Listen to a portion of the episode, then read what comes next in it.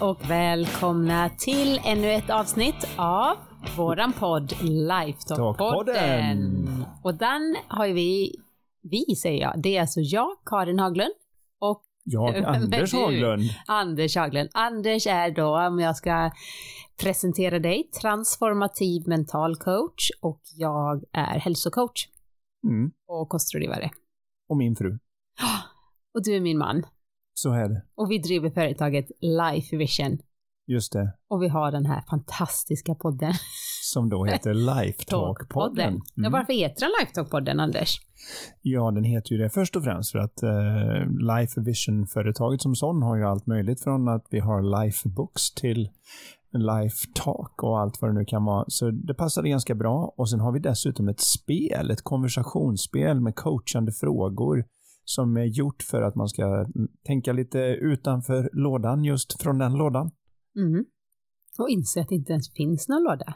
Det är det allra bästa. Ja, Det är det allra bästa. Lådan har vi hittat på i huvudet. Precis. Nej, men det är en väldigt fin present att ge bort också. Vi avslutar varje avsnitt med att dra en fråga ur just, just eh, någon av de här två Lifetalk-spelen, Mm. helt enkelt. Och plugg plugg så kan man hitta den på shop.lifevision.se om man är lite nyfiken när man lyssnar här. Att skulle jag vilja ta en titt på alla de där frågorna som eh, får härlig effekt? Absolut.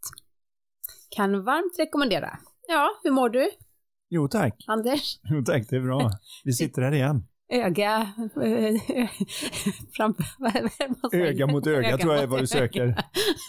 Det är ju helt, helt bimsig här. Så, som vanligt. Men eh, ja, det har varit en intensiv dag så att det är alltid så här kul att eh, se in i dina ögon och en eh, mikrofon också emellan. Ja, just det. Två mikrofoner mellan oss. Nej, men det är trevligt att connecta och nu då få chans att ta och svara på läsarnas frågor Mm. inom personlig utveckling och mental klarhet och ja, egentligen allting mellan öronen. Ja, och det är ju alltid lika spännande för mig att få reda på vad du har plockat ut för läsarfrågor som jag Mm. kan svara på. Vi börjar få ganska många nu här så att jag försöker eh, Sortera. sortera och ta relevanta frågor. Men eh, vi kör bara rakt på. Vad säger du? Ja, det är lika bra. Första frågan. Okej. Hej på er och tack för en riktigt bra podd.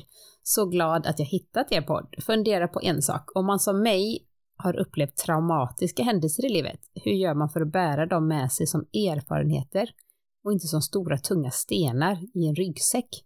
Tack på förhand. Mm. Det första som slår mig är det, vad är egentligen ett trauma? Eh, oftast är det ju att vi har en väldigt stark känslomässig påverkan, oavsett vad det är som har hänt. Någonting som var så pass stort att vi saknade resurserna just då att hantera dem. Det kan ju vara allt ifrån att, som du berättade för mig, att ni gjorde några tjejer när ni skulle till Göteborg och så plötsligt flyger däcket av. Och eh, bilen studsar fram och tillbaka och alla klarar sig bra. Men en av tjejerna hamnar i chock. Mm. Det kan man inte bestämma innan vem som ska göra det. Utan det blir då lite av ett trauma. Jag det, fick säkert också traumor, bara det att inte, ja, ja, det, men, tror vi alla har. men den som blir så här chockad då, Ja, jo, det det är är liksom att det hjärnan bara checkar ut och säger det att det här klarar inte jag. jag. Jag vet inte vad jag ska göra med det här. Mm. Och så kan det vara med allt ifrån folk som har blivit utnyttjade som barn till eh, att man råkar ut för någon skada till att man hamnar i ett destruktivt förhållande och vad det nu än är som vi människor så lätt hamnar i under vår livstid. Det är ju lite av en berg och dalbana. Mm. Och när man har den här formen av trauma så är kanske det viktigaste att förstå är hur funkar det när vi bär med oss det i ryggsäcken som hon pratar om här. Om det nu är en hon. Nu är vi där Ja, igen. ja, där är jag. Ja. Förutfattade meningar. Otroligt. Alla tjejer bara Jag, som jag tror att alla det där ute i poddland som lyssnar är tjejer. Nej. Men, men alldeles oavsett då så, så är det viktigt att se vad består ett trauma av när det väl har skett. För oavsett om man varit med i en olycka eller någonting där någonting hände och man läkte ihop eller sådär. Eller om det var någonting som hände där jag mentalt fick det väldigt svårt och sedan återupprepar det här om och om igen Mm. så består inte traumat av att händelsen, alltså som var traumatisk, sitter och skjuter känslor på oss från dåtiden. Men vårt system upplever det som så. Det känns som verkligen att om bara det inte hade hänt så hade jag inte mått så här. Så enda skälet att jag nu känner mig så här tre år efteråt, tio år efteråt, 15 år efteråt, vad det nu än handlar om, så känns det ju som att hej, jag var ute på stan och mådde hyggligt och så rätt vad det är så pricksköt det här traumat mig mitt i bröstet eller magen eller huvudet. Och så nästan trillade jag ihop och visste inte vad jag skulle göra med mig själv. Det första här att förstå är ju att dåtid inte kan skjuta känslor genom tid och rum. Det är en omöjlighet. Så det finns inget som har hänt som kan drabba dig nu. Konsekvenserna kan naturligtvis. Har jag skadat mig på ett sätt så att mm. ben inte läker ihop som det ska, annat så kan jag inte trampa på det tio år senare för att det är snett. Så det finns konsekvenser, men själva den känslomässiga biten av det, den kan inte skjutas genom tid och rum.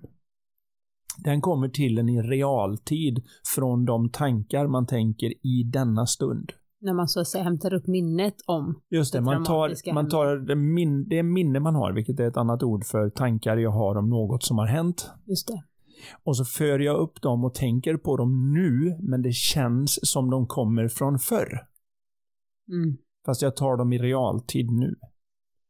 Och samma är det med saker som vi då gör gärna att vi tänker, nu när jag har det här traumat så kommer det ju påverka mig framåt i tiden. Så att även min framtid kan bli helt fel på grund av det här. Så att jag kan se hur jag på grund av det som drabbade mig, eller hur mina föräldrar var mot mig, eller den här händelsen som var, vad det nu än är, kommer göra att jag inte kan ha ett förhållande, eller att jag får inte till det i affärer, eller har problem med auktoritetspersoner, vad det nu än kan vara. När jag tänker på det i realtid nu, så skapar hjärnan den fantastiska illusionen egentligen att nej, nej, nej, det är inte för att jag tänker det nu. Det är för att det faktiskt händer sen och min framtid som jag har listat ut vad den ska vara, den sitter där tio år fram och prickskjuter mig bakåt med den här hemska känslan. Och när vi upplever det så, då finns det bara två varianter på att lösa det hela. Den ena är då, så att säga, som psykologin har gjort i hundra år, vilket är att försöka mentalt resa tillbaka till händelsen och på något vis reda ut det som redan har hänt så att mm. det inte riktigt har hänt så att man kan må bättre nu. Och den andra är att gå in i framtiden och på något vis då reframa, som det så fint heter på psykologispråk, där man då gör om hur det skulle vara. Så det är inte alls så, utan det här är ju en resurs som du kan använda framöver. Och så ska man då på något vis lura sitt eget sinne egentligen att det här är okej. Okay. Fast jag egentligen innerst inne förmodligen tycker att det här är inte alls okej. Okay. Mm. Vad som då är en fördel är när jag ser att det jag kämpar emot är inte mitt förflutna. Det är mina tankar om det förflutna som jag har i nuet. Mm. Om det hade varit det förflutna så hade jag haft det hela tiden. Men det har jag inte, för när jag råkar sitta och titta på en komedi eller något och tänker komiska tankar så skrattar jag och mår bra. Och då är det lätt att tro, att då levde jag bara i förnekelse. Nej, det gjorde du inte. Det var bara att just då tänkte du inte på det och då har det ingen effekt på dig. Sen plötsligt dök tanken upp från ingenstans. Det kan ju vara associationer som att man kände en viss parfym eller en doft eller såg någonting som påminde om det här och plötsligt så kom det här rasande som om man trycker på en mapp på sitt skrivbord på datorn och så öppnar sig den här mappen med tusen bilder liksom. Mm. Och så övermannar det eftersom hela sinnet är fyllt med det här nu, mm. så blir jag inkapabel att ta in något annat av livet och känner mig som att nu är jag inte längre med i verkligheten. Nu är jag konstig här för nu har jag så mycket. Mm. Så grejen är att se att den här förmågan vi har att både hallucinera om dåtid och framtid och i nuet och inte riktigt se vad det är, är den gyllene gås som värper de gyllene äggen att självklart är det så att den kanske värper ett annat ägg som vi inte gillar, men när vi har en obegränsad kreativ förmåga i vårt huvud så kan vi inte bara få den obegränsade uppsidan, utan det finns en obegränsad nedsida. Så alla människor kan komma på någonting som förändrar världen i vilket ögonblick som helst. Det är det vanliga när man får sådana tankar att folk säger att lilla jag kom på det, och det är säkert någon annan som har gjort det, och så gör man inget med det. Men det är också att vi när som helst kan få vilka psykotankar som helst. Att, oh, jag är så självdestruktiv, så om någon öppnar fönstret så hoppar jag rakt ut genom det. Eller får för sig något. Eller sitter på kontoret och plötsligt bara... Fönster, men det... ja, nu sätter jag tankar i huvudet här kanske på folk, men vad, vad jag menar det är att du har ingen aning. Man kan sitta på kontoret och bara plötsligt fundera på hur ser den människan ut naken. Eh, och du har inte den kontroll du tror över vad som dyker upp. Det är bara att fundera lite grann på var, var är dina tankar innan du får dem? En del har fått för sig att de sitter som cellminnen och de befinner sig ute i etern eller de är i mitt undermedvetna och väntar på att poppa upp. Men som det verkar så är det ett väldigt formlöst ställe som är ungefär lika formlöst som forskarna upptäcker ju mer de nu grunnar på universum, att en gång var det ingenting och så blev det en massa. Så formlöst kan bli till form och Mm. tanke fungerar så. Så innan du har dina tankar så är det som att de inte finns. Och efter att du är klar med dina tankar så är det som att de inte har varit. Och i den mån du kan se att det är så det fungerar så kan du ta med dig både traumatiska upplevelser och alla andra former av upplevelser som en resurs och en lärdom och någonting som gör att du kan titta framåt med större tillförsikt för att jag överlevde det där eller jag lärde mig något på det. Men det kräver också en annan del som inte många tänker på. Det är att när vi får ta del av ny information som vi inte hade innan, så när folk får den så gör de ofta så att de skuldbelägger sig. Åh, om det var så enkelt så hade jag väl kunnat gjort det innan då. Eller, åh vad jag känner mig dum, jag har gått i tio år och gjort så fel och så kan jag göra rätt så här eller något. Mm. Och då är det viktigt att titta just på det här med att jag är aldrig ute efter att skuldbelägga någon, utan jag är ute efter att ansvarsbelägga folk.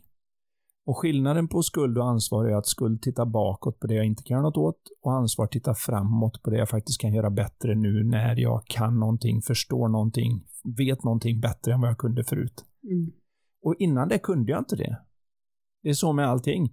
Det är inte som att någon hade kunnat flyga 300 år innan Wright-bröderna. Vi hade inte kunskapen om vad gravitation var. Vi hade inte kunskapen om hur luftmotstånd fungerade. Vi hade inte kunskap om material. Vi, det fanns ingen möjlighet att göra det förrän, så att säga, när vi väl kom på det. Och samma är det i våra egna liv. Att när vi gick igenom saker, vi kanske drabbade oss något när vi var små. Det vi ofta inte har gjort är att vi har inte uppgraderat våra tankar om det.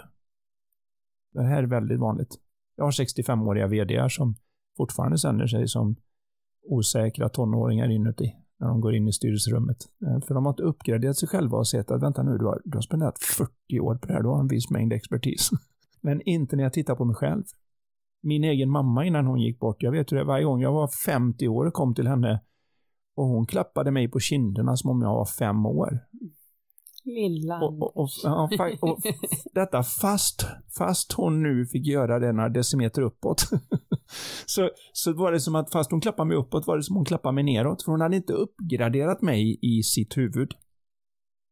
Och då kan man skratta åt det och säga ja, ja, hon ser det som, hon är fortfarande, han är fortfarande min lille pojk.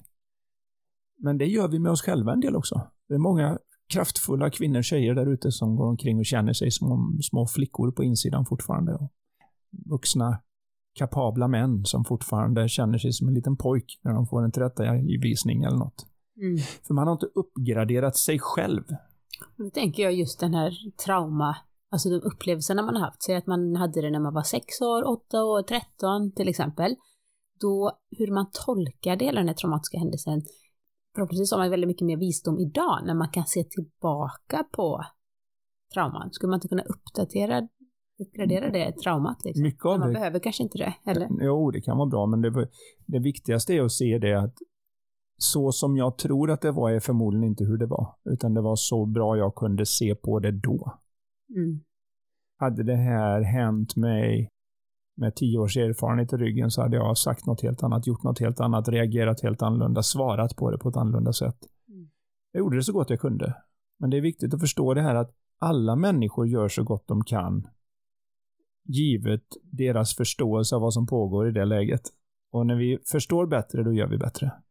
Och det är samma sak med det här att förhoppningsvis har våran lilla rant här på en kvart, eller jag vet inte vi var på, men, men om det här med trauma och hur det fungerar och varifrån det kommer och att det finns i nuet kan uppgradera förståelsen så pass att man ser att metaforen man uttrycker med att man går omkring med en stor ryggsäck som tynger ner en.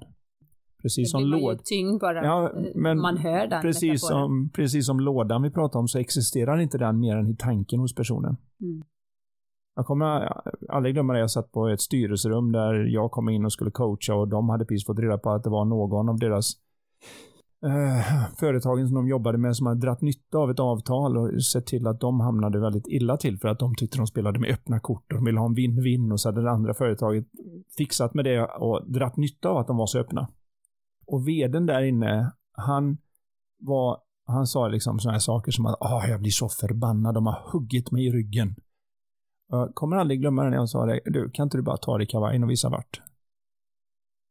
Och han liksom, ja men du vet vad jag menar. Nej, kan vi komma överens om här att det var egentligen så här, ni gav ut en del information och hoppades på att de skulle ta det på ett bra sätt. De gjorde inte det och så har de använt den så att affären inte blir lika bra som ni hade hoppats på. Punkt.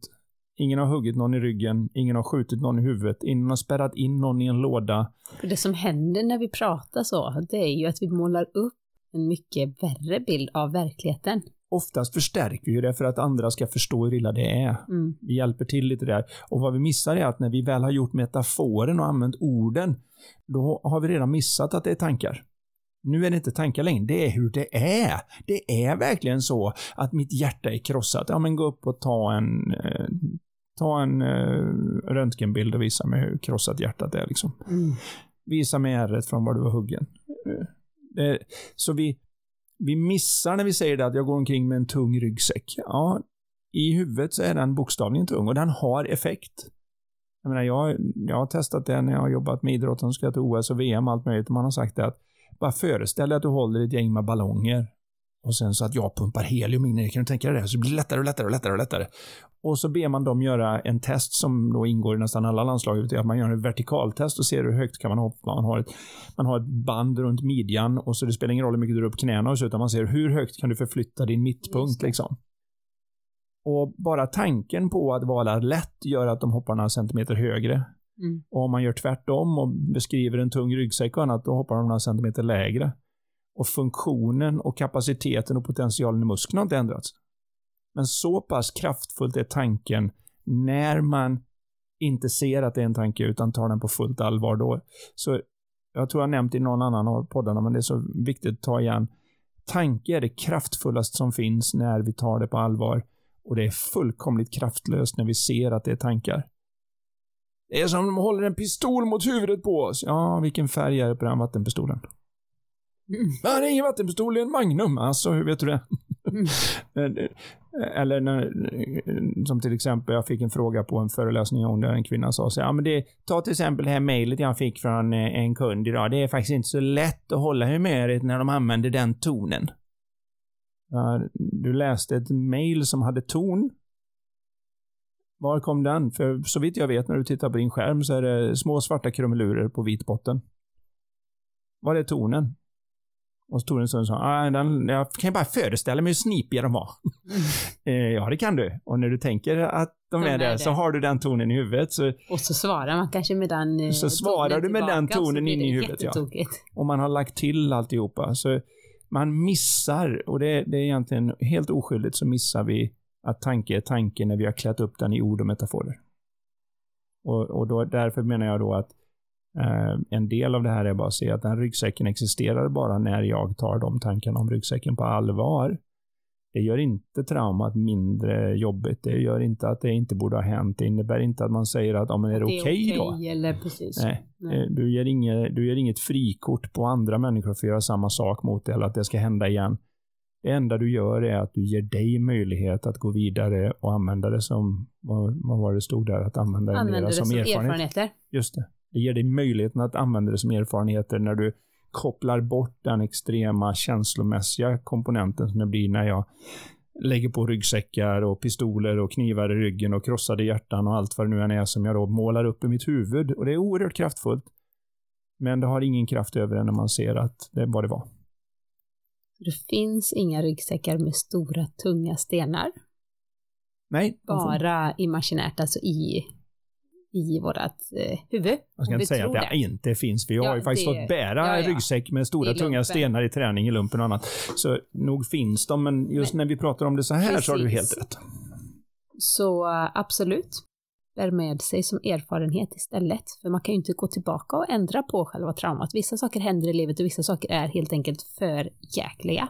Ja, så är det. Och Orättvisa, inte, fruktansvärda saker som händer och tyvärr Men hänt har hänt och vad vi kan göra bättre framöver så gör vi det väldigt mycket bättre när vi kan se det som erfarenhet, när vi kan vara starkare och mentalt må bättre i nuet. Då kan vi också förbättra framtiden på ett helt annat sätt. Mm. Än om vi går runt och bär en stor tung ryggsäck. Det förstår, förstår säkert alla som lyssnar att det begränsar ju oss väldigt mycket i livet. Och det vill vi inte. Så Nej. nu vill jag istället läsa en, faktiskt en, en lång fråga som jag, Oj, jag har Amalia. kortat ner den Anders, så bli inte arg på mig nu, men jag eh, vill inte korta ner för mycket för att man skulle gå missa om vad den handlar om. Så, nu kommer jag läsa den. Hej Anders och Karin, tack för en fantastisk podd. Jag jobbar själv som coach inom hälsa och friskhet och varje gång jag lyssnar på ett avsnitt så är det så självförverkligande för mig som privatperson och som coach. Min fråga till er är en liten följdfråga på avsnitt 9. Oj. Ni pratade om bästa sättet att hjälpa någon annan var att bland annat själv vara i balans och sprida energi och kraft utan att gå in för mycket och styra eller försöka lära. Jag har själv precis samma utmaning med min sambo. Han har en gammal utbrändhet, ett kontrollbehov eh, och ett väldigt gott hjärta till att fixa och ta hand om alla, men som också gjort att han har skapat massvis med trauman kring en kravfylld vardag. Tyvärr har vi väldigt olika syn på livet. Han uttrycker sig ofta och så länge han inte har med folk eller samhället att göra så är allt lugnt. Och han, han uttrycker sig ofta att så länge han inte har med folk eller samhället att göra så är allt lugnt och livet leker. Offerskjortan är stor och han har också accepterat det faktum att han är sjuk i sin stresskänslighet. Jag har nu insett att min utstrålning, balans, livskraft, som är fylld av ödmjukhet till oss som människor inte är tillräcklig, i alla fall inte tillräcklig för att han ska känna sig trygg nog att möta sitt sårbara jag på djupet.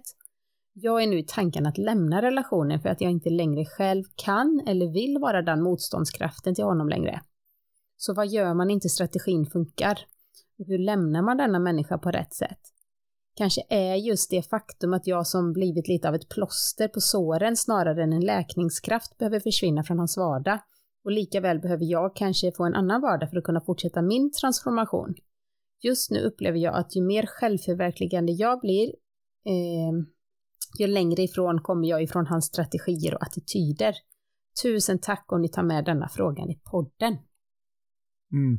Så jag, jag vet inte riktigt hur man ska sammanfatta det här, men eh, ja, vi pratade ju väldigt bra och väldigt tydligt i avsnitt 9 om just det här, hur man på bästa sätt kan hjälpa en annan människa. Människa, ja. Först får man ju då titta på det här igen att det är en nivå som hjälper en själv och en helt annan nivå när man ska hjälpa någon annan utan att åka dit. Mm. Och det svåra är just det här när man upplever att nu använder jag alla strategier jag har och så funkar det inte ändå. Det tror jag vi alla kan relatera till olika ställen i livet. Det som gäller att komma ihåg är att bara för att vi inte kan få det att funka så innebär det inte att det inte går att få det att funka. Okay. Det är inte alltid värt att få det att funka, det är en helt annan femma, men vi vet när vi går framåt i historien att det som de trodde var omöjligt för tusen år sedan ser vi som en enkel vardag. När det gäller sånt här så är det också att se det om man skulle vilja hjälpa en annan person. Ett så är det det att för sin egen skull så måste man lära sig vad det innebär att bry sig på ett bra sätt. Det är lätt att hamna där i vad de då använder som metafor var ju offerskjortan är stor. Mm. Det är samma som ryggsäckar och annat vi har pratat om innan. Men Mm. vad det innebär är också att se det att det är lätt att tro att jag bryr mig mer om det här för titta hur dåligt jag mår. Alltså att det blir någon sorts likhetstecken där mellan att om man inte blir upprörd och sätter på sig den här offerskjortan då, då bryr man sig inte. Det svåraste när man ska hjälpa en annan person är att backa vad jag kallar uppströms och titta på vad är den här personen har fått om bakfoten som gör att det de säger är vettigt.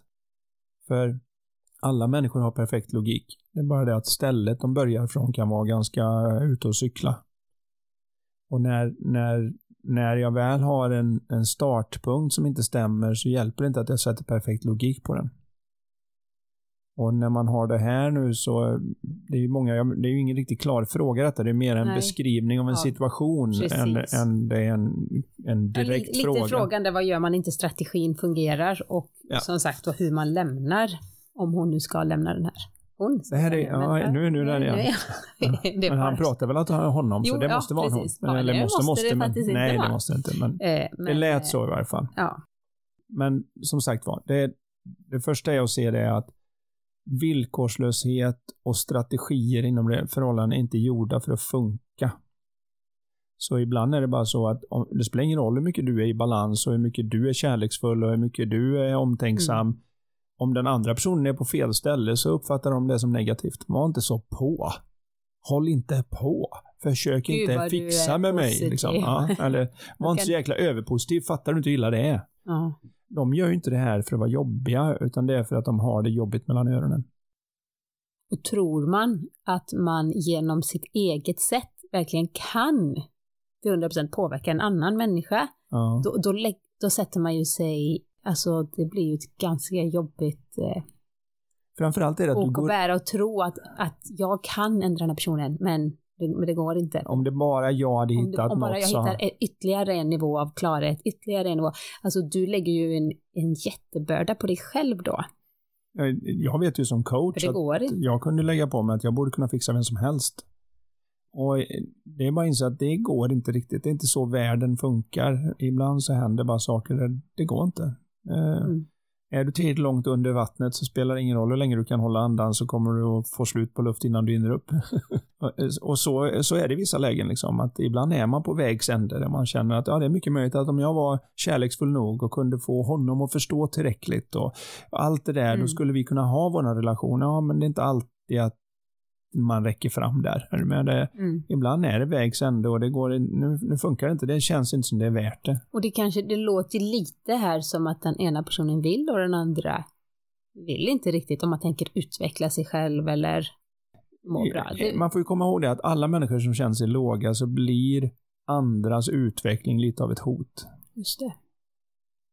Så då känns det som att man har det enkelt för dig. Liksom. Det är ju det vi gör med kändisar. Då är det lätt. Då kan man säga ja det var ju lätt för honom för han ser så bra ut. Eller han hade de kontakterna. Eller ja, han kunde ju sjunga. Eller han har alltid kunnat dansa. Eller vad det nu än är. Men när det är någon vi känner som har gått dit upp, då kan det vara lite tuffare. För då vet vi att nej, men honom känner jag. Eller henne känner jag. Mm. hade jag ju också kunnat. Jag hade ju nästan bättre betyg än dem i. Då, hade jag ju, då kan det bli lite att man vill riva ner för att man vill inte gärna medge att Eh, Eh, hade jag, hade jag tyckt att det var så himla kul att säga nej till x antal parties och träna åtta timmar om dagen istället så hade jag också kunnat vara där. Men jag tyckte inte det var värt, det var värt det, helt enkelt. Eller på någon nivå så fick jag inte det i huvudet att få ekvationen att gå ihop, att det var värt offret nu för att få sen. Vi är ju alla gjorda lite grann för att snabbt ta in det nu. Det är därför vi är så, har lätt att bli sockerberoende. För när vi gick ut i naturen en gång i tiden och sprang omkring i djungeln, så om vi hittade något som var sött så gällde det att äta upp allt som fanns på busken och få all energi man kunde få. Det var ju att lyckas då. Nu... Då fanns det ju inte ens, alltså då, när vi pratar sött då, Mm. pratar vi frukt, bär och så vidare, mogna frukter. Mm. Eh, jag menar, vi pratar inte flytande läsk med eh, Nej, med glukossirap. 82 sockerbitar och ja. glukossirap i. Nej, det är klart inte jag. Men jag bara säger det att det är väldigt naturligt därför att vi, vi tror att vi ska ändra oss till den verklighet vi har, men det går väldigt långsamt för det mänskliga systemet att anpassa sig till nya saker. Evolutionen rör sig inte så snabbt. Och just nu så rör vi på kultur och samhälle så snabbt så att vi hinner inte med. Men vad jag, vad jag mest vill få fram i det här är att det är så lätt att känna att man blir kortsiktig. Mm. Uh, att man glömmer av liksom det långa loppet. Det, det, är svårt att se en ek i ett ekollon. Vi människor är inte superduktiga det. på det.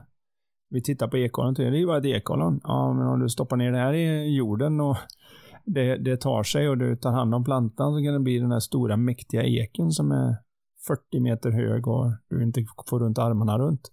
Mm. Så är det ju med människor också. Alltså när vi ser på när vi ser på våran dotters försök att stå på ett par skridskor, eh, man är tre liksom. Det, armarna flyger hit och benen flyger hit och det är jättesvårt och det är halkigt och allting skakar. Det är svårt att se att det skulle kunna vara en isprinsessa om, de fick, om hon nu fick för sig att åh vad det skulle vara roligt att åka konståkning och träna fyra timmar om dagen. Uh, Men nu ett år senare när hon är fyra? Ja nu, ja, men nu är det något annat. Men vad jag menar är att det är svårt för vår mänskliga hjärna att se det Absolut. perspektivet. Hur mycket det kan hända. Det är ju bara att se på när man träffar gamla kompisar man träffar på 30 år. I huvudet mm. så har man ju definitivt inte uppgraderat dem. Mm. Utan man säger hej och så i huvudet säger jag vet precis vem du är. Fast du inte har sett vad de har gjort i 20 år. så att de har ju utvecklats allting, men eftersom du håller dem i huvudet så är det lätt att de faller in i samma gamla grej också. Det blir liksom inte den här utvecklingen som faktiskt har skett. Och därför upplever vi att människor inte ändrar på sig, men de kan vara väldigt annorlunda nu med all erfarenhet de har fått på den tiden, men vi har inte uppgraderat. Och så går vi där och säger, han var precis sig lik. Mm. Ja, när han var med dig ja. Eh, Annars så är det inte så när han sitter där uppe i styrelserummet och åker jorden runt eller vad det är den personen har hittat på. Så eh, man behöver nästan uppgradera där. Och det här, det här är lite samma då, att ska man hjälpa en annan person, om man nu satsar på det, så, så är det svåraste här att se att man måste släppa alla idéer om att det ska funka. Och den är ju nästan svårast när man är någon riktigt nära. Ja. Och man vill så gärna. Ja, du vill så gärna För både för de, deras skull och för din För sin egen. egen såklart. Eller hur? För relationen. Allt vore så mycket lättare och bättre. Men i samma stund som jag gör det, då sätter jag upp deadlines. Liksom. Jag kan Mm. tänka mig att hjälpa dig så här länge. Eller jag kan tänka mig, och den lilla edgen av villkorlig dom, om man säger Mm. så, att eh, jag, jag ställer upp för dig till 2022. Men har det inte hänt något då, då får det vara nog. Det gör att effekten blir så mycket mindre än vad den skulle kunnat vara. Och det innebär inte att man inte ger upp 2022, det är bara att man har inte det anslaget när man försöker hjälpa till. Utan man är mer villkorslös. Och det är en av de klurigare grejerna, för villkorslöshet kräver så att säga att man ger upp en hel del av sina fördomsfulla tankar. Som säger att nu har jag försökt här i fyra veckor och vara så villkorslös mot dig att nu får det vara nog. Ja, det var ju villkorslöst av dig att ge mig fyra veckor liksom. Så det, det gör vi väldigt ofta. Det, det är klurigt det här med villkorslöshet, men det är det som funkar bäst. Det finns ingen människa i världen som inte har lättare att blomma ut till vem de själva är när de känner att de inte är bedömda och att de Mm. måste prestera. Då kan de blomma ut till ens drömperson. Men om man börjar tvinga in dem i en form där man säger att du ska vara sån här, du ska så här, då blir de ganska snabbt en mardröm. Mm.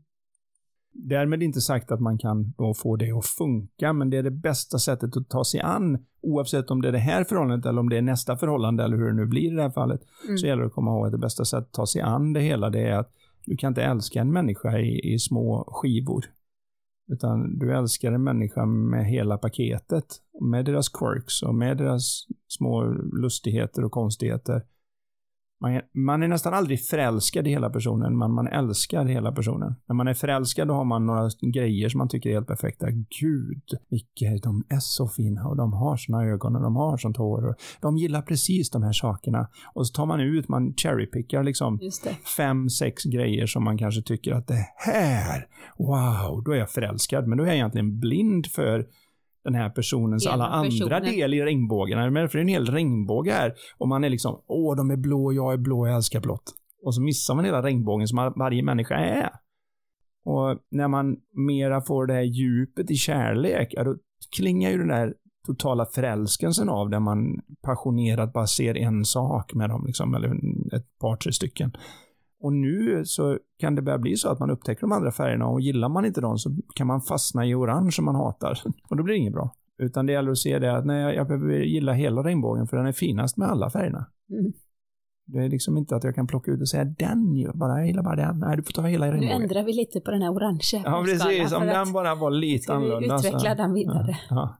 Och det ligger ju också i vår mänskliga hjärna att vi gör det med nästan allting. Vad vi än ser så tänker vi på hur vi kan Just det. förbättra det och utveckla det och så. Och det är jättebra, men när vi tittar på andra människor och gör den bedömningen så ibland håller vi tillbaka dem i för att vi kan inte då låta bli att visa lite av vår besvikelse och frustration och irritation med att vi tycker att nu har jag, och då har vi också Mm. villkor på det. Hur många gånger behöver man säga till någon innan man har rätt att vara arg? Och då är det många som är ungefär, ja, första gången så kan jag förstå, för de kunde inte veta att jag inte gillar när de går på den sidan av mig när vi är ute och går på stan.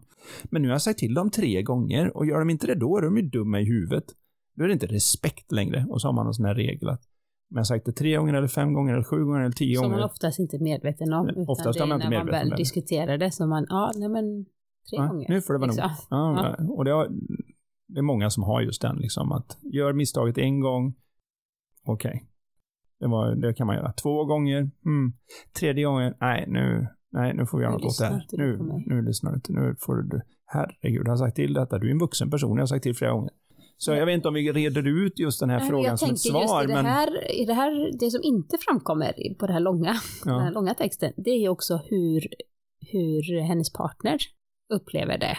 och vad partnern vill och, och så vidare, utan eh, jag skulle faktiskt rekommendera att gå till någon och för att hon kan inte lägga vikten på att hon ska fixa detta, för att hon ska självförverkliga sig ännu mer för att klara av att så att säga lyfta honom, utan det lättaste vore nog att kunna prata med någon eh, annan. Det, fin, det, det finaste du kan ge till en annan person är att du tar hand om dig själv. Mm. Och väldigt många går in som en martyr i det hela och, och tänker att oj, oj, vad jag får krumbukta mig och fixa med mig så att om jag äntligen har hittat någon som vill ha mig, då får jag liksom acceptera att det kommer det med att jag måste vara någon annan nästan. Men det finaste du kan ge till någon är liksom att du, du går in med, med dig. Mm. Mer av sitt sanna jag. Ja, vad det nu än skulle innebära, för det är en svår tanke, men det, där du går in mer äkta, autentiskt i varje fall, och där du, du ser att det viktiga här är att jag kommer in från ett bra ställe i diskussionen. Mm. Då funkar allting mycket bättre. Och när jag inte gör det, då har jag en tendens att tolka allting på ett sämre sätt. Så eh, svårt, frågan var en hel situation, ja, ingen riktigt uppenbar här, fråga. Men, eh, men jag hoppas att det kan ha gett någon, någon tanke och idé om hur det här fungerar. Jag vet en sak som du kommer vilja säga. Mm -hmm. jag känner dig. Nej. Nej, men jag kom på en sak. Eh, det här bo, den här boken som finns på svenska också. Just den det. skulle ju vara perfekt för dem båda att läsa. Men framförallt ja. för henne då, eller den som är mottaglig. Vad den heter, det är med George och Linda Pransky. Och den heter Relationshandboken på svenska. The Relationship Handbook på engelska om man vill mm. läsa på originalspråk. Uh, och jag tycker ju att det är en av de bästa relationsböcker som finns. Den borde nästan ingå i, uh, i allmänutbildningen. Liksom. Att den här borde du läsa innan du ens tar dig an en annan människa. Uh, för det är så mycket där. Livskunskap, ja, det är oavsett om man är i en relation eller inte. Ja, men vi människor är så sociala varelser mm. så det spelar ingen roll om relationen är romantisk eller inte så kommer du umgås med andra människor. Och Eh, många av oss slängs ju bara ut och har liksom, vi har ju mycket inneboende kunskap bara för att vi har med oss så mycket instinkter och annat om hur människor funkar, men vi behöver ju gradera upp oss lite grann därför det blir mycket onödig friktion om vi inte förstår hur vi människor faktiskt funkar.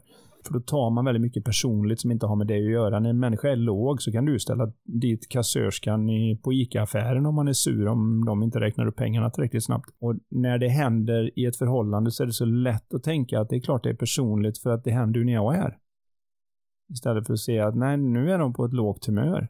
Mm. Och än, ännu mer blir det ju så när man börjar då kanske tycka att man får några bevis genom att ja, de träffar sin kompis, då är de liksom tjo, men inte med mig ja, då måste det vara med mig. Men det är fortfarande någonting som är lågt.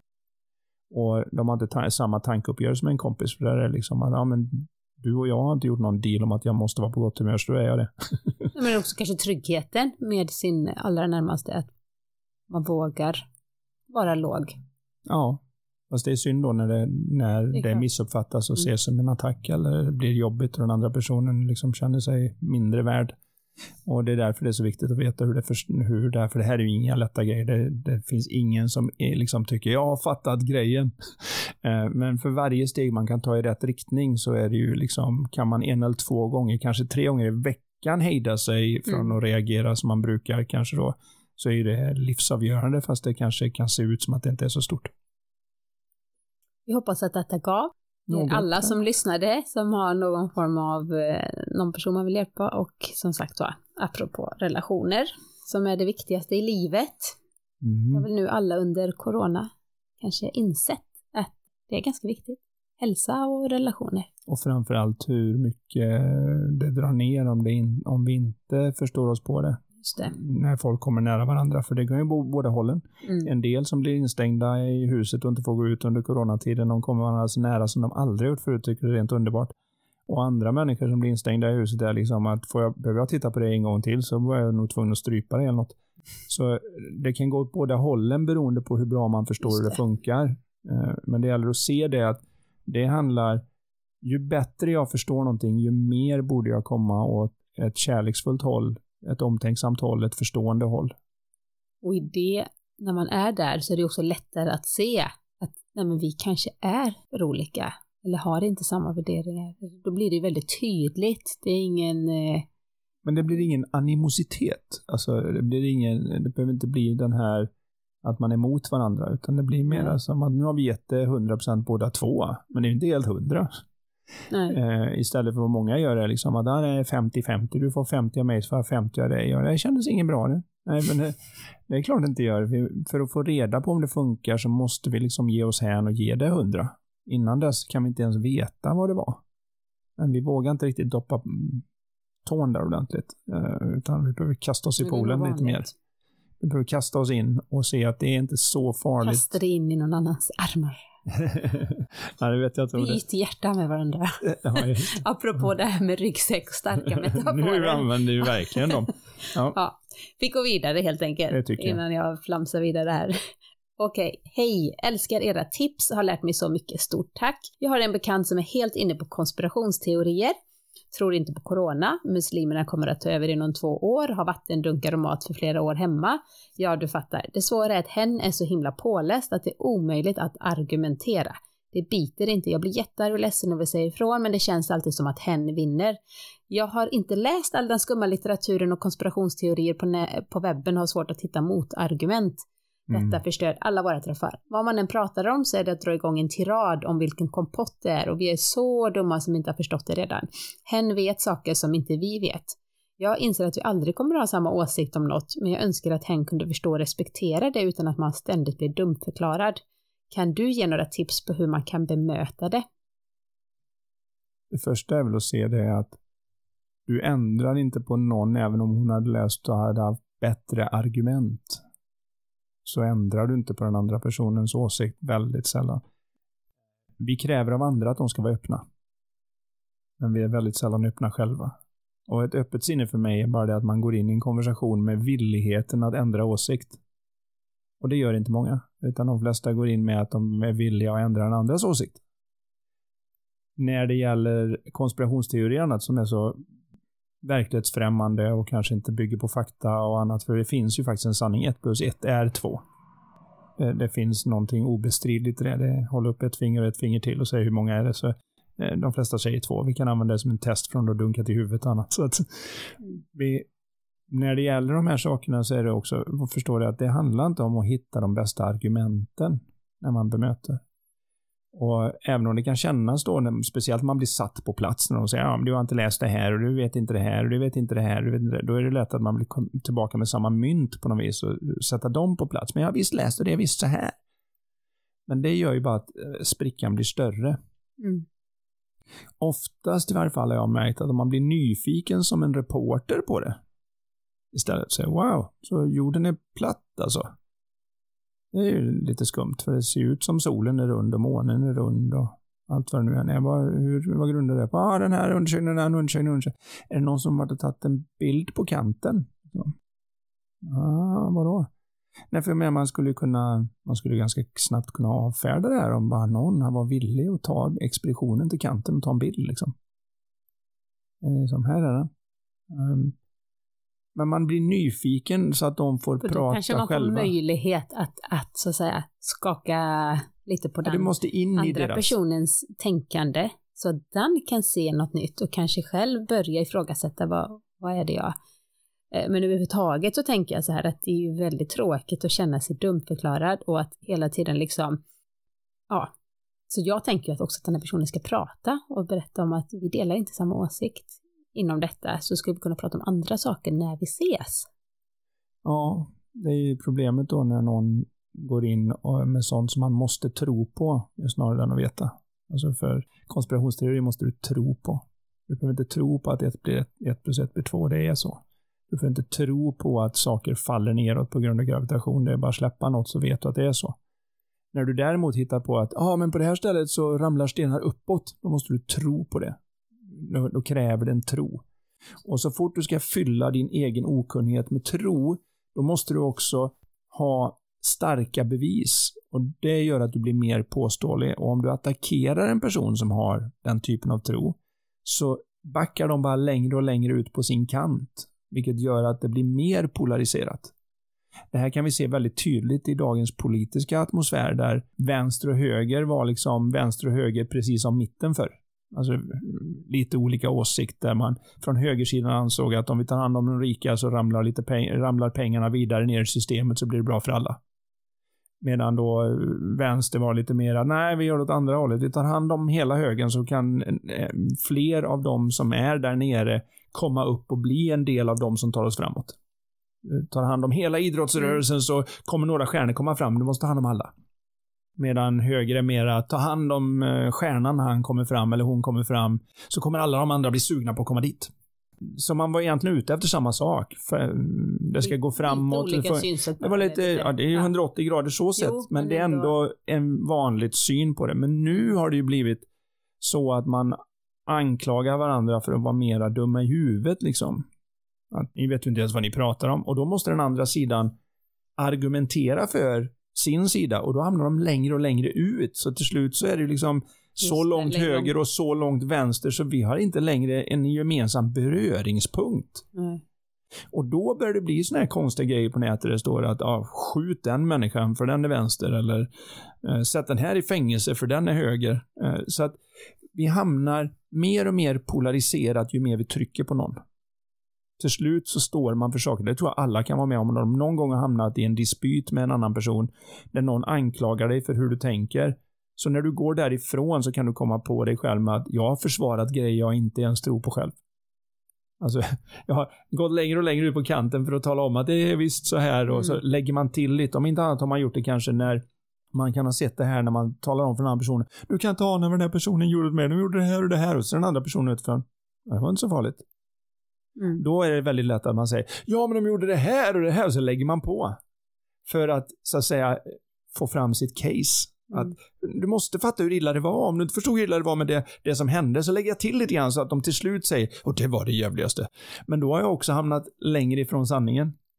Så det här är en väldigt ytterst mänsklig del i det. Och det gäller att komma ihåg det, att det går längre och längre ut på kanten ju mer man pressar. Så när du talar om för någon jag kommer ihåg det var någon sekt i USA där de, där de för ovanlighetens skull var väldigt exakta, för det vill de inte gärna vara, för då kan du kolla upp det och det vill man inte. Men då, det var en kvinna som sa att jorden går under 1994, den 20 september eller någonting. Hon hade ganska många följare. Och sa till alla dem att eh, sälj hus, sälj, ni kommer inte behöva dem, enbart de rättfärdiga ska vara redo att åka liksom. Men hela jorden kommer gå under det här datumet. Och det här datumet kom ju och alla hade skickat iväg sina grejer och alltihopa och så gick jorden inte under. Nu var det många som var arga och sura och förbannade av självklara skäl. Vad sjutton, vi har lurat här och bara skänkt iväg allt vi äger och så står vi här och ska göra det i världen. Så alla kom ju nu till hon som var ledare i den här sekten mm. och sa, vad i helsike? Och då sa hon så här bara att, ja men det var eran definitiva övertygelse och tro som gjorde det här möjligt. Och sa dessutom då att Tack vare att ni visade hur handfast det var så har hela jorden blivit besparad att förintas. Då blir de Då var de ännu, ännu mer övertygade. Liksom, och den här, wow. den här människan satte ett nytt datum. Och det datumet kom och gick. Och hon sa samma sak igen. Vi har räddat världen genom vår absoluta vilja att uppoffra allt vi har för att rädda den övriga mänskligheten. Det är det, det, är det som är så, så säga, häftigt men också farligt, att du kan få in allting i ditt eget trosystem så att säga. Men det blir ju cirkulärt Det blir en bevis på att det är och det. Och så liksom får man in det i, om man så att säga har ett redan konspiration, konspirationsteorier, säger vi att vi tror på det. Och så hör du någonting som säger emot det och då kan du använda det som bevis för att nej, men det är visst. Du tillhör en eh, djupa... Och, då, och då, då, kan man liksom få vatten på sin kvarn precis hela tiden. Mm. Men eh, när det står att detta förstör alla våra träffar, då tänker jag så här, det verkar inte som att den här personen som skickat in frågan försöker argumentera eller försöker liksom, utan det låter ju som den andra personen behöver kanske, ja jag vet inte, antingen får man acceptera att den har uppenbarligen ett jättebehov att prata om de här sakerna, men jag kan försöka styra in det på samtal som vi kan prata som inte handlar om det här. För där mm. kommer de liksom inte riktigt överens. Nej, det mest tidsbesparande man kan göra i de situationerna som jag har märkt är ju det att man bara säger det kanske du har rätt i. Mm. Även om man inte står bakom det så kan Nej, du står inte bakom det, men du vet Nej. att den här diskussionen är helt, den kommer inte leda någonstans. Nej. Så säger man, det var intressant, det kanske du har rätt i. Och så är du klar. Då behöver du i varje fall inte spendera en timme med elände. Och så kan vi prata om något annat. Mm. Det är just den där, på ett sätt, oförmågan att ge upp kampen.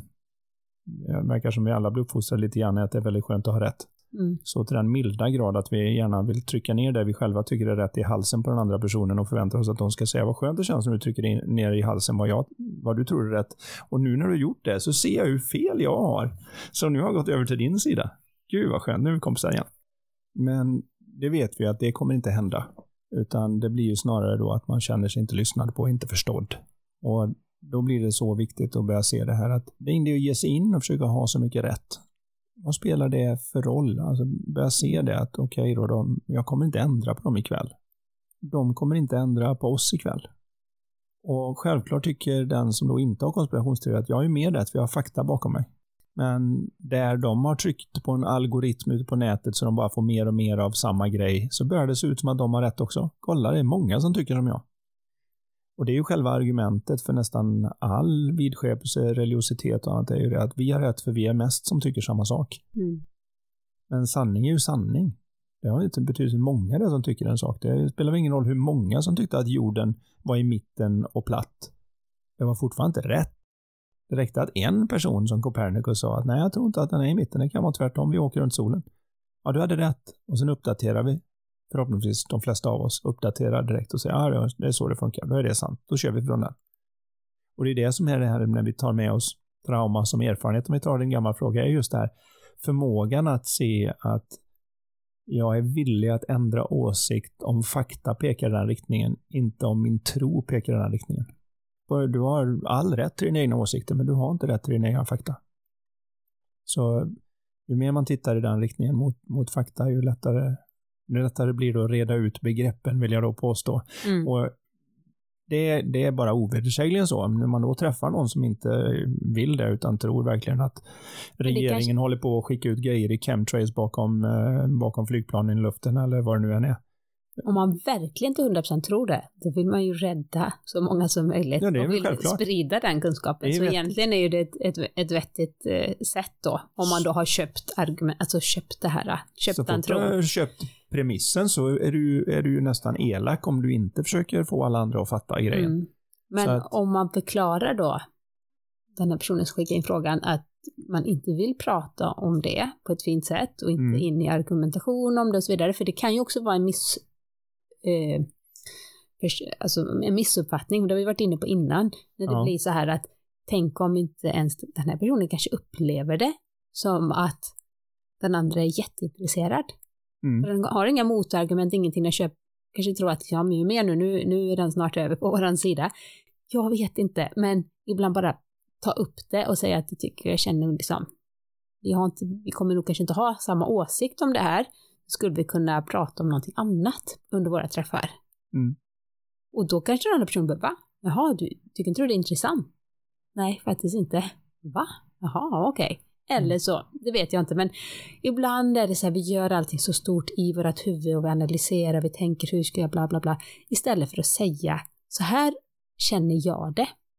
Inte du attackerar mig med bla bla bla, utan jag upplever det som att jag inte har motargument eller... Ja, det blir ju fortfarande en viss attack i det. Ja, utan det är bara att bara få... säg som det är på ett...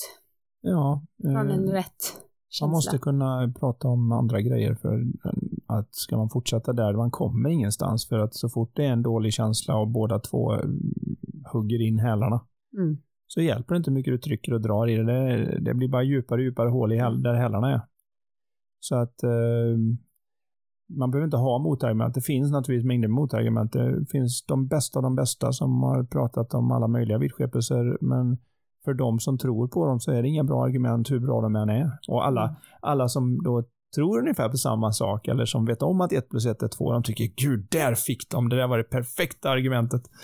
Nej, det är det inte. Så att eh, det blir gärna en liten övertro på att om, man bara, om, jag bara hade, om jag bara hade fakta och kunde säga någonting vettigt här så hade vi kunnat ha en diskussion, men nej. Inte. Är bättre att lämna den. Så vi, nu ska vi lämna den här podden snart också. Ja, en ja. sån grej. Det går fort. Mm. Men jag tänker att vi ska som vanligt avsluta med en fråga. Och detta, denna frågan har jag dragit från Lifetalk 2. Mm. Den lyder så här. Vilket av dina misslyckanden har betytt mest positivt för dig? Ja, den kopplar in riktigt bra till podden den. Det gjorde den utan att jag tänkte, tänkte så. Ja. Men det är, det är ganska viktigt att se att allting, jag vill påstå att det är så här, det finns egentligen inga misslyckanden så länge som man går därifrån och förstår mer än vad man gjorde innan man gick in i det. Så att så länge Mm. man lär sig av det så är det inte ett misslyckande. Då, eh, och jag vill till och med påstå att det finns ingenting som är värt att göra bra, som inte är värt att göra dåligt från början. Så vill man bli fotgängare så varje bebis måste försöka ställa sig upp och misslyckas med det. Faktum är att om de inte misslyckades med och trilla ner och var tvungna att ställa sig upp så hade de inte utvecklat muskulaturen tillräckligt för att kunna stå upp. Så det hade varit... Det är liksom meningen att vi Det- ska misslyckas ett himla massa gånger och sen är vi tillräckligt starka för att kunna för gå. att klara av den grejen. Och det är därför som vi försöker uppfinna glödlampor och datorer och allt vad det nu än är. Och det funkar inte, det funkar inte, det funkar inte. Men det, på vägen lär vi oss allt det som, som vi behöver. Och där, därför blir frågan ganska viktig just vad, vad har jag misslyckats med som faktiskt gav mig någonting som gör att jag ser att det var värdefullt för mig att jag inte fick till den. Mm. Det är lite spännande. Så att, eh, ja, Den avslutar vi med tycker jag. oj, då är Och vi så, redan där alltså. Ja, det är vi. Men det är bara två veckor tills vi kommer tillbaka i dina lurar. Och vi hoppas ju som alltid att du är ute och rör på dig under tiden när du lyssnar på våra visdomar. Om inte, så ta ett eh, träningspass nu. Mm. Det är min, Eller så får eh, man faktiskt sitta i avslutning. bilen eller hänga i soffan också. Får det man har det? sitt värde. Ja, jag tycker det. Man Ja, får ja. väl göra det man Det vill. säger Anders. Ja, det Nej, och det säger är jag. klart man får. Karin är hälsocoachen. Hon vill att du är ute och springer och joggar medan du lyssnar så vi är effektiva och Så gör många saker. det. Men vi hörs Det oavsett om två veckor Det gör vi igen. oavsett. Ja, hej.